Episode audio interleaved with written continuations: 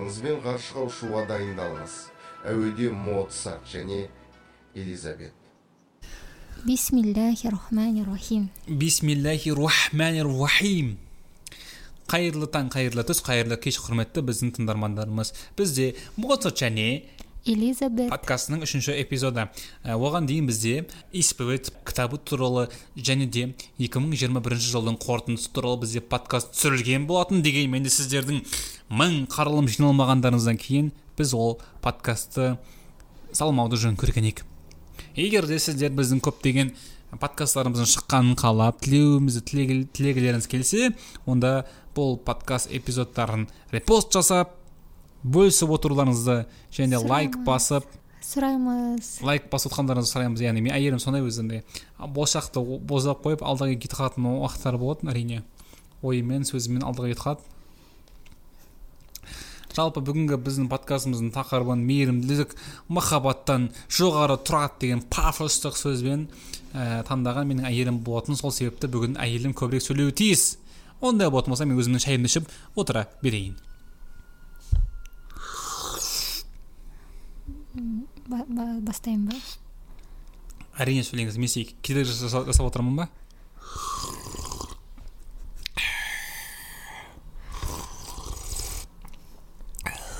біз бұл тақырыпты неліктен таңдадық өйткені мен бұл сөзді бір жерден оқыдым телеграмда бір канал бар орынтайдың ойлары деген Ә, сол каналдан сол сөзді көріп қалып ол сөзді мен бұрын зерттегенім есіме түсіп сол кітабымды қайтадан ақтарып сол сөзді тауып скриншоттар жасап ә, телеграмда біз екеуміздің арнайы жеке ашқан тобымыз бар. Ә, сондай ә, философиялық ойларымызды талқылауға арналған. Сол жерге жібердім. Сосын ұсынысымды білдірдім. Осы тақырыпты талқыласақ қалай қарайсыз деп. Өздеріңіз байқап отырғандай келісімін беріп қолдау көрсетіп клубник әкеліп берді. Қызығып отыр десеңізші сосын айтуға. Енді ары қарай ә, ол скриншоттарды өзі жақсы оқып зерттеп алған өзі айта берсе болатын сияқты. Мен қосылып отыруға дайынмын. Тақырып таңда, таңдай алу мүмкіндігін бергеніне разымын. Әм, не дейміз енді? Сөзге кетеміз енді. Ә, мына жерде айтқан екен да енді. Мейірімді алла тағаланың атымен атаймын. Бұл өмірде two hours later дейтін нәрсе қою керек қой. мен айтамын жақта сөйлеңіз өзіңіз. Оқыңыз скриншоттарды? Оқыдым ғой енді мен сіз ғой айтсын жоқ енді пустой кувшинка пустой кувшина. Ана бос бос ыдыс дейді да? Басқа ыдыс толтыра алмайды дейді негізінен. Ол бірінші ыдыс екінші ыдыс толтыру үшін ол ыдыс толы болу керек деген нәрсе. Ыдысты ішіне салып қоюға болады. Не үшін сіз осы тақырыпты таңдадыңыз өйткені бұл тақырып көп нәрсені ашатын секілді көрінді және қарым қатынасқа қатысты тақырып екенін түсіндім. Ә, сондықтан бұл біздің де қарым қатынасымызға және де бізді тыңдайтын басқа да адамдардың қарым қатынастарына тікелей әсер ететін пайдалы тақырып болар деген ниетте таңдадым. Айлық табысыңыз қанша? Ол тікелей сізге қатысты. Жоқ мына жерде енді ә, көп деген деген нәрсені ашыңызшы. Именно қандай нәрсеге бұл әсер етеді? Мысалға неліктен маха- мейірімділік махаббаттан жоғары тұрады? Сұрақ сізге не үшін мейірімділік? Так мен сұрағымды құрастырып алайын. Не үшін мейірімділік? М, махаббаттан м, жоғары тұрады. Тоқтаңыз күлген алып тұра берсін Ә, осы тақырып маған да қызық болды. Неліктен мейірімділік махаббаттан жоғары тұрады. Сонда адамдар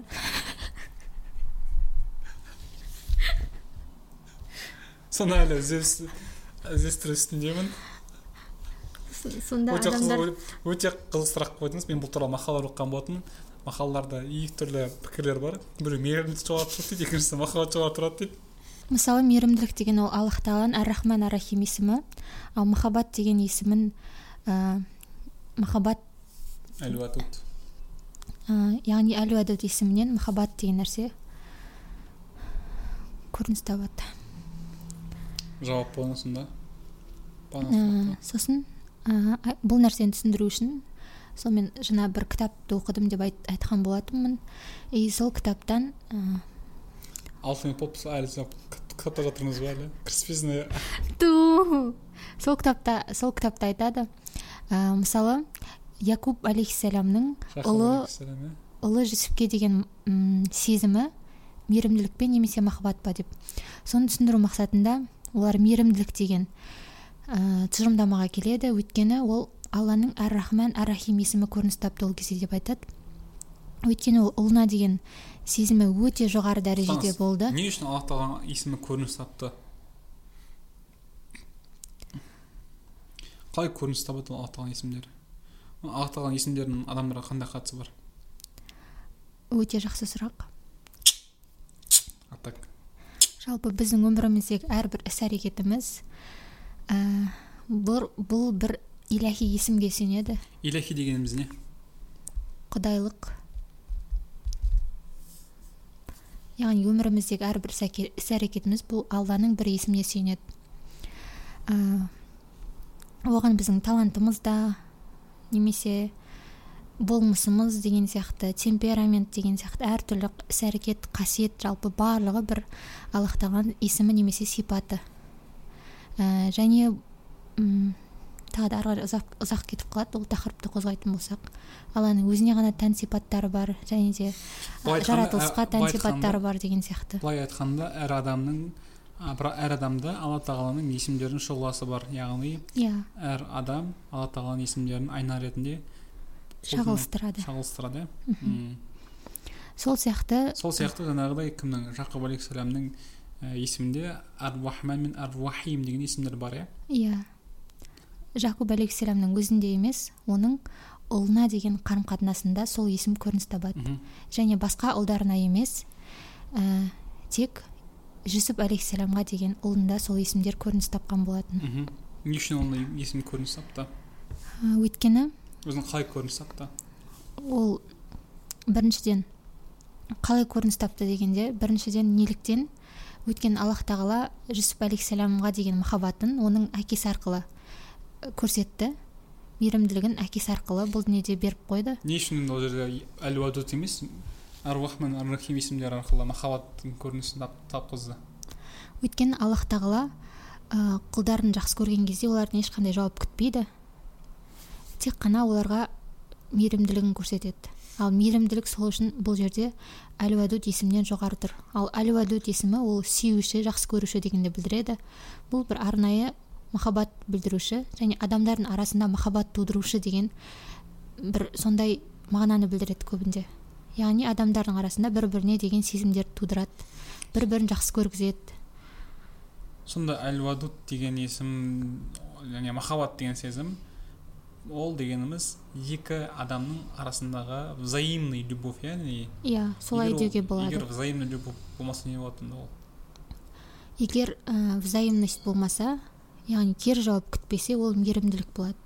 Сондықтан махаббаттың ең үлкен дәрежесі ә, сезімдердің ең үлкен дәрежесі ол мейірімділік сострадание шефкат деп айт. Мысалға мысалға допустим мысалға мен сізді жақсы көремін мысалға. Мхм, бірақ сіз мені жақсы көрмейсіз басқа бір кісіні жақсы көресіз да сонда м, сонда бұл не болды сонда бұл? Сіз ә, егер мені жауапсыз жақсы көрсеңіз жауапсыз дегенде сіз мені жақсы көргеніңізге қиналмасаңыз менің сізді ә, кері жақсы көретінімді күтпесеңіз ә, маған тек қана махаббатыңызды бере бересіз бірақ мен ешнәрсе талап етпейсіз. Сол кезде бұл мейірімділік болады. Яғни мейірімділік бұл көп нәрсені қамти алады. Ал махаббат ол бір ақ нәрсені қамтиды және сол нәрседен жауап күтеді. Мысалы мен сізді жақсы көремін мен талап етемін сіздің де мені жақсы көру керексіз деген нәрсені. Ал сіз бірнеше м, мен бірнеше адамды жақсы көре алмаймын менің махаббатым тек қана бір адамға ғана бағытталады и мен бір адамнан ғана жауап күтемін. Сұрақ енді ал егер көп адамға бағыттайтын болсам ол мейірімділік болып кетеді. Сонда көп адамға бағыттаған бағыттай алу себебінен де ол жоғары тұр махаббаттан е мына жерде мысалы мен аллах разылығы үшін жақсы көру деген нәрсе бар ғой. Ол қалай сонда аллах разылығы үшін жақсы көру деген мейірімділік деп айтсақ болатын шығар. Аллах разылығы үшін жақсы көру деген нәрсе бар. Мысалға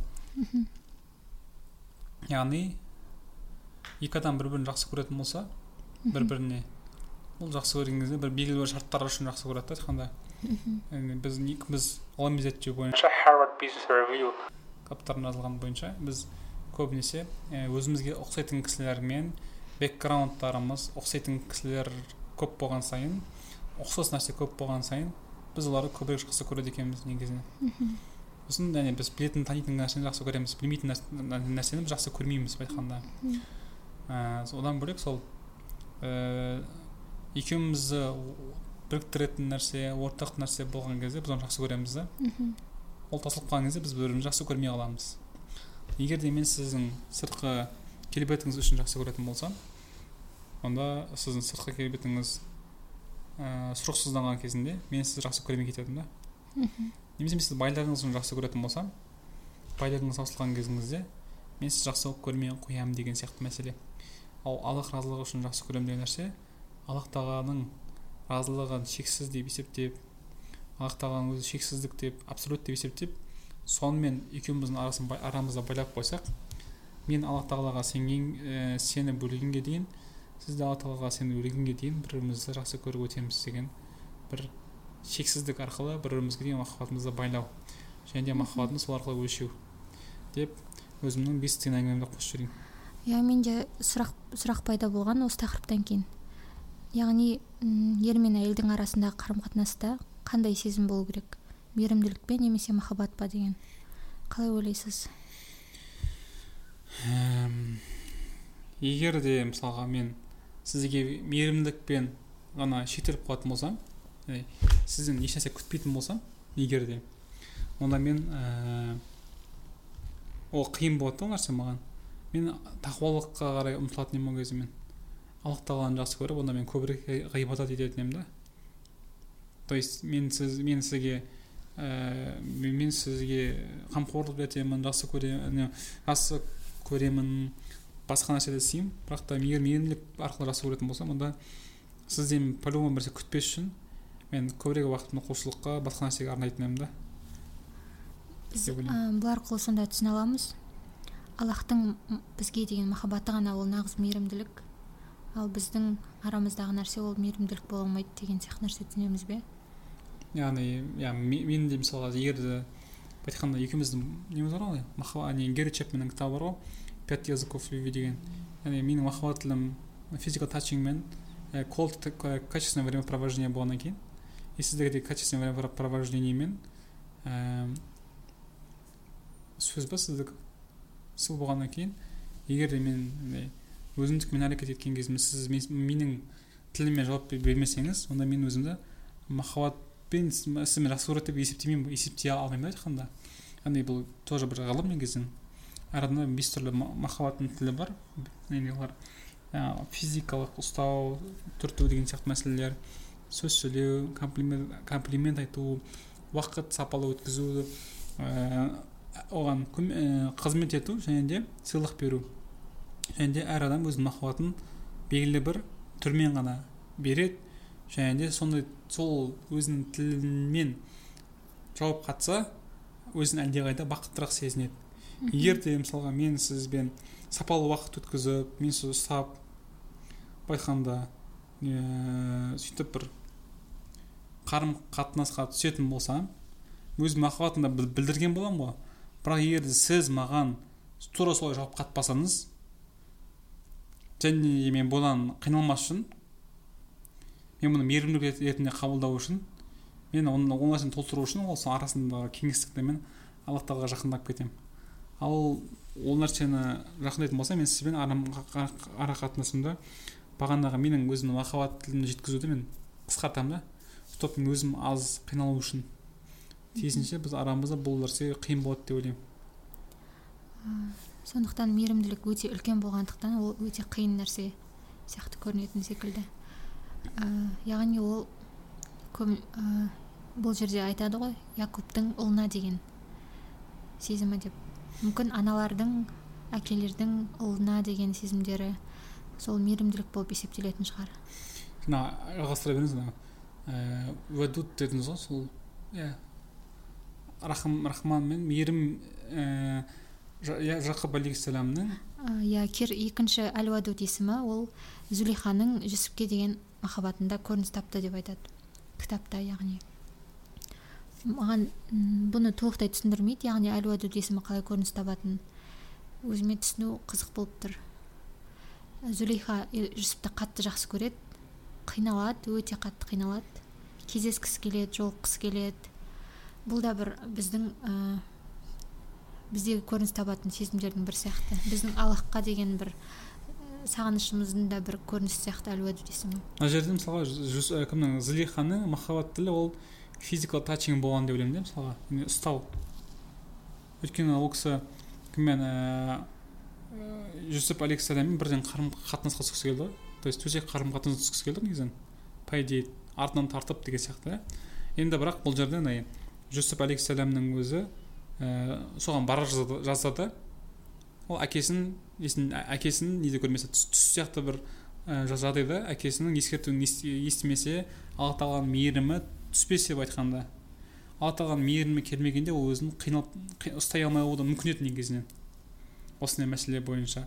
Тиісінше зылиха ә, ол өзінің махаббатын қарым қатынасқа түсу яғни физикал тачинг арқылы білдіргісі келді білдіріп тұр айтқанда. И ол тиісінше кері жауап ретінде кім ә, жүсіп алейхисалам соны күтті негізі. Сосын ол, ойлаған нәрсесі жүзеге аспағаннан кейін ол қиналып кетті да айтқанда.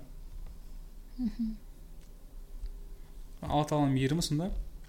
Бұл жерде құлым иә құлым қиналмасын деп өзінің мейірімділігін төгіп ол жерде жақсы көретінін білдіріп, білдіріп тұр былай айтқанда не үшін жақсы көретінін білдіріп тұр? Деп ойлайсыз.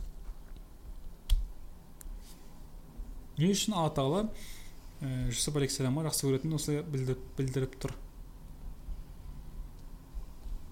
Білмеймін. Ойлаймын мына жерде. Ақыры жүсіп алейхисалам ә, ол кісі мұсылман да. Ля иляха илlalлах деп айтқан кісі. Тиісінше аллах тағаладан басқа құдай жоқ деп айтқан кісі да. Аллах тағала шексіз мейірімді ғой андай шексіз мейірімді болғаннан кейін ә, әсіресе ол мұсылмандарға мейірімді да. Мұсылмандарға андай ә, жамандықтың жамандыққа бармаса екен дейтіндей бір шексіздік бір мейірімге ие болғаннан кейін мына нәрсе болмасын деп құлым қиналып қалмасын деп осындай бір мейірім көрсеткен сияқты. Тиісінше мына жерде мынандай шығады да. Егер де біздің тілеген нәрселеріміз бізге бұйырмаса мысалға допустим менің айлық табысым 10 теңге мысалға. Мхм. Мен бірақ та айтамын ей алла тағала маған айлық табысым 20 теңге қыл деп айтамын да. Бұл жерде егер де мен 10 теңгемді 20 теңге қылмайтын болса тиісінше бұл жерде мейірім жатыр деген сөз да. Өйткені алла тағала мейірімді ғой. Мысалы 10 теңге егер де мысалға мен оны дұрыс он- онда онда мен 10 теңгемді дұрыс басқармай жүрмін қолданбай жүрмін деген сөз да. 10 теңгем садақаға бермеуім мүмкін оны ешқандай теңгемді мен кейбір мен ысырапшылдыққа көп қолдануым мүмкін да. Көп ақшамды тоғыз теңгемді мысалға. Ә, и тиісінше мен 20 теңге алатын болсам мен тоғыз теңгемін соның он сегіз теңгені ысырапқа қолдануым мүмкін да. Сол себепті мен ысырапқа көп бармасын күнәға көп бармасын деп күнә көп күнә істеп қоймасын деп алла тағала мейірім арқылы маған ол- ол нәрсені нәсіп етпей тұр да былай айтқанда мхм. Өте күшті мысал екен. А, сосын мейірімділікті түсіндіру мақсатында тағы бір мысал келтіреді. Мейірімділік өте жоғары өте ауқымды сезім екенін түсіндіру мақсатында. Мысалы ә, ана баланы дүниеге алып келген кезде ода мейірімділік сезімі пайда болады деп айтады. Яғни алланың белгілі бір мөлшердегі мейірімділігі аналарда болады деп айтады. Ал ол сол мейірімін баласына ғана қолданса ә, яғни ә, баласына ғана қалай қолдан эгоиз, эгоизм сезім арқылы баласына ғана қолданатын болса ол мейірімділікті шектеп қойған болып есептеледі дейді ал ол мейірімділікті барлық әлемге жаятындай қолданса ол кезде ол аллахтың мейірімін сондай бір дәрежеде дұрыс қолданған бола ма қолданған болады деп айтады мысалы и сострадание является очень широким чувством Тот, кто ис- испытывает сострадание к своему ребенку, распространяет его на всех детей и даже на всех живых существ, чем показывает некое, некое отражение всеохватности божественного имени Рахим, милосердный. Ал Любовь же, глядя только на своего возлюбленного, жертвует ради него всем. Или же для того, чтобы возвысить и восхвалить этого возлюбленного, унижает остальных и по смыслу бронит их и оскорбля- оскорбляет. Например, один такой сказал, «Солнце, увидев красоту моей любимой, застыдилось и спряталось за облако, дабы не видеть ее. О, господин влюбленный, какое право ты имеешь так стыд- стыдить солнце, являющееся некой светящейся страницей восьми величайших имен Аллаха?» Мына жерде былай айтқанда алла тағаланың разылығы үшін адамдарды жақсы көр деген сөз ғой. Тиісінше одан бөлек адамдар жақсы көретін болсаң е, бірақ оларды жақсы көре керек екенін біліп тұрсың бірақ жақсы көре алмай тұрсаң кем дегенде алла тағала солай жаратқаны үшін соларды алла тағала соларды сөйтіп жаратқаны үшін сондай қалыбымен жақсы көр деп тұр да бізге. Және де алла тағаланың жарат- жаратылыстары тең, дәре- тең дәрежеде және сен оларға судья бола алмайсың. Адвокат болуың керексің. Деген сөз ба? Стефан цвейг айтпақшы. менің де түсінгенім ә, мейірімділік махаббаттан жоғары тұратын болса ол бір лестница деп қарасақ біз бірінші барып махаббатқа тірелетін сияқтымыз. Сосын біз махаббаттан ә, адамдарды жақсы көреміз. Сосын ә, бір кезде махаббатымыздың ә, жауапсыз болатынын түсініп аллах сияқты бізді ешкім жақсы мейірімділік таныта алмайтынын түсініп келесі мейірімділік баспалдағына барып сосын сол баспалдақтан қайтадан махаббатқа қарай түсе алатын сияқтымыз. Яғни ә, сол кезде адамдардың бәрін біз жақсы көреміз ә, жауап күтпейміз бірақ мейірімділікпен деген сияқты. Қалай ойлайсыз? Солай ойлаймын. Деп кесіп тастаған ба? Негізінен жақсы көру деген нәрсе ол етістік. Глагол ол жақсы көру деген етістік қай кезде жүзеге асады ол етістік болғаннан кейін экшн кезінде действияның кезінде ғана көрініс табады. Ал әрекет деген нәрсе f-тен ол күш қой енді f-тен минус f. Яғни ол қарсы ә, ньютонның үшінші заңы бойынша оған қарсы нәрсе болған кезінде адамда әрі қарай қозғалыс болады былай айтқанда ал мейірімділік деген ол альтруистерге сосын пидақорларға жанкешті кісілерге тән нәрсе болып тұр. Тиісінше біздің де мақсатымыз сол болу керек деп иә ойлаймын. махаббат деген ол эгоизмға апарса мейірімділік деген альтруизмге апарып тұр да. Мхм. Тиісінше алла тағалаға ұнамды болған нәрсе. Бізге де алла тағаланың ұнайтын ісі бізге де ұнамды болу керек қой сонда. Әлемге махаббатпен қара деген нәрсе сонда әлемге мейірімділікпен қара деген бір сөз ба сонда деп. Бұл өте қиын тақырып сияқты негізі. Ол кезде түсіндіру керек нәрсе. Ә, махаббат дұрыс емес мейірімділік керек деген нәрсе емес тек қана аллахтың ар рахман ар рахим есімдерінің барлық махаббаттан жоғары тұратынын айту түсіндіру мақсатында секілді. Мысалға ана ғашық болу деген нәрсе бар ғой. Яғни оказывается адамдар ғашық болады ә, өздеріне ұқсайтын кісіні көрген кезінде ше андай олардың травмалары бірдей болатын болса рухтары сонымен бір бірімен сөйлесіп қалады екен да. Сондай прикол да. И ғашықтық сезімі екі күн мен екі жылдың арасында болып тұрады. И ол әрине көтеріліп түсіп тұруы мүмкін. Жақсы көру сезімнің болу болмауының әсерінен. Және бұл жерде белгілі бір шарттар бар да. Ал шартсыз жақсы көру деген нәрсе сол мейірімділік та былай айтқанда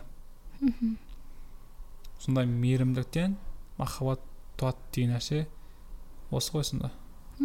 Яғни мейірімді кісілердің бәрінде махаббат бар бірақ махаббаттың барлығында мейірімділік жоқ. Өте. Керемет айтылған орынтайдың ойлары сондай. Осымен тақырыбымызды тамамдаймыз ба? Түсінікті болды деп ойлайсыз ба? Біз қандай шешімге келдік? Былай айтқанда ә, адамдар а- алла тағала өте мейірімді дедік қой. Мысалға егер де қыз бен жігіттің ә, мәселесін өрнегін қайтадан алатын болсақ егер де біз бірінші өзімізге егер мен жігіт болсам өзім бір бірінші қыз іздейтін болсам потом барып үйлену туралы ойлайтын болсам ол дұрыс емес әрекет та былай айтқанда өйткені алла тағала өте мейірімді болғаннан кейін бұл ісімді қолдамайды деп ойлаймын. Андай арамызды шиеленістіріп жүреді ол кісімен. Сосын ол ұзақ дұрыс жүрмейді. Өйткені мейірімді мен мұсылманмын менің көп күнә жасағанымды қаламайды. Егер де мен бірінші ниет етіп үйленуге кімдерді вариант ретінде қарастырсам болады деп көрсем алла тағала маған мейірімін төгіп менің сезімімді дұрыс қолданады деп ойлаймын. Сонда мейірім деген нәрсе ең алдымен күнә жасамауға алла тағалаға ұнамды істерді істеуге ұмтылу және барлығын түптің түбіне келген кезде аллах разылығы үшін істеу болып тұр да? Біздің махаббат сезімімізді де үлкейту яғни ол алланың мейірім есімі арқылы болатын сияқты. Иә егер де біреу өзі үшін жақсы көрсе онда ол жақсы көру не махаббат егер де ол аллах разылығы үшін жақсы көрсе аллах тағаланың разылығы үшін істесе ол мейірімділік та айтқанда. Өйткені ол адамнан еш нәрсе талап етіп отқан жоқ қой. Бірақ мына жерде аллах тағалаға да мұқтаждық танытпау одан еш нәрсе сұрамау бұл уже қате болады да уже ол. Ә, яғни біз арамыздағы махаббат сезімінің сезімін дұрыс қолдануымыз үшін оны алланың мейірім есіміне байлап қойып сол есімнен жәрдем сұрауымыз керек сияқты. Яғни түптің түбінен келген кезінде сен аллах тағалаға ғана жақсы көру деген сезімді қолдануың керексің. Немесе адамды жақсы көргің келсе онда аллах тағаланың разылығы үшін оларды жақсы көруің керексің деген сөзге келеді да айтқанда. Өте жақсы нүктесін қойдық деп ойлаймын. Егер де түсініксіз болса түсініксіз болды деп айтыңыздар. Түсінікті болса түсінікті болды деп айтыңыздар. Не деген гениальный аяғы. Сіздермен бірге болған моцарт және де элизабет біздерге жазылып қойыңыздар. Егер де осындай форматтағы әңгімелерімізді әл әрі қарай тыңдағыларыңыз келсе біздің каналға жазылып репост лайк шейр жасап біздің тілегімізді тілеп аллах разылығы үшін бізді жақсы көріңіздер.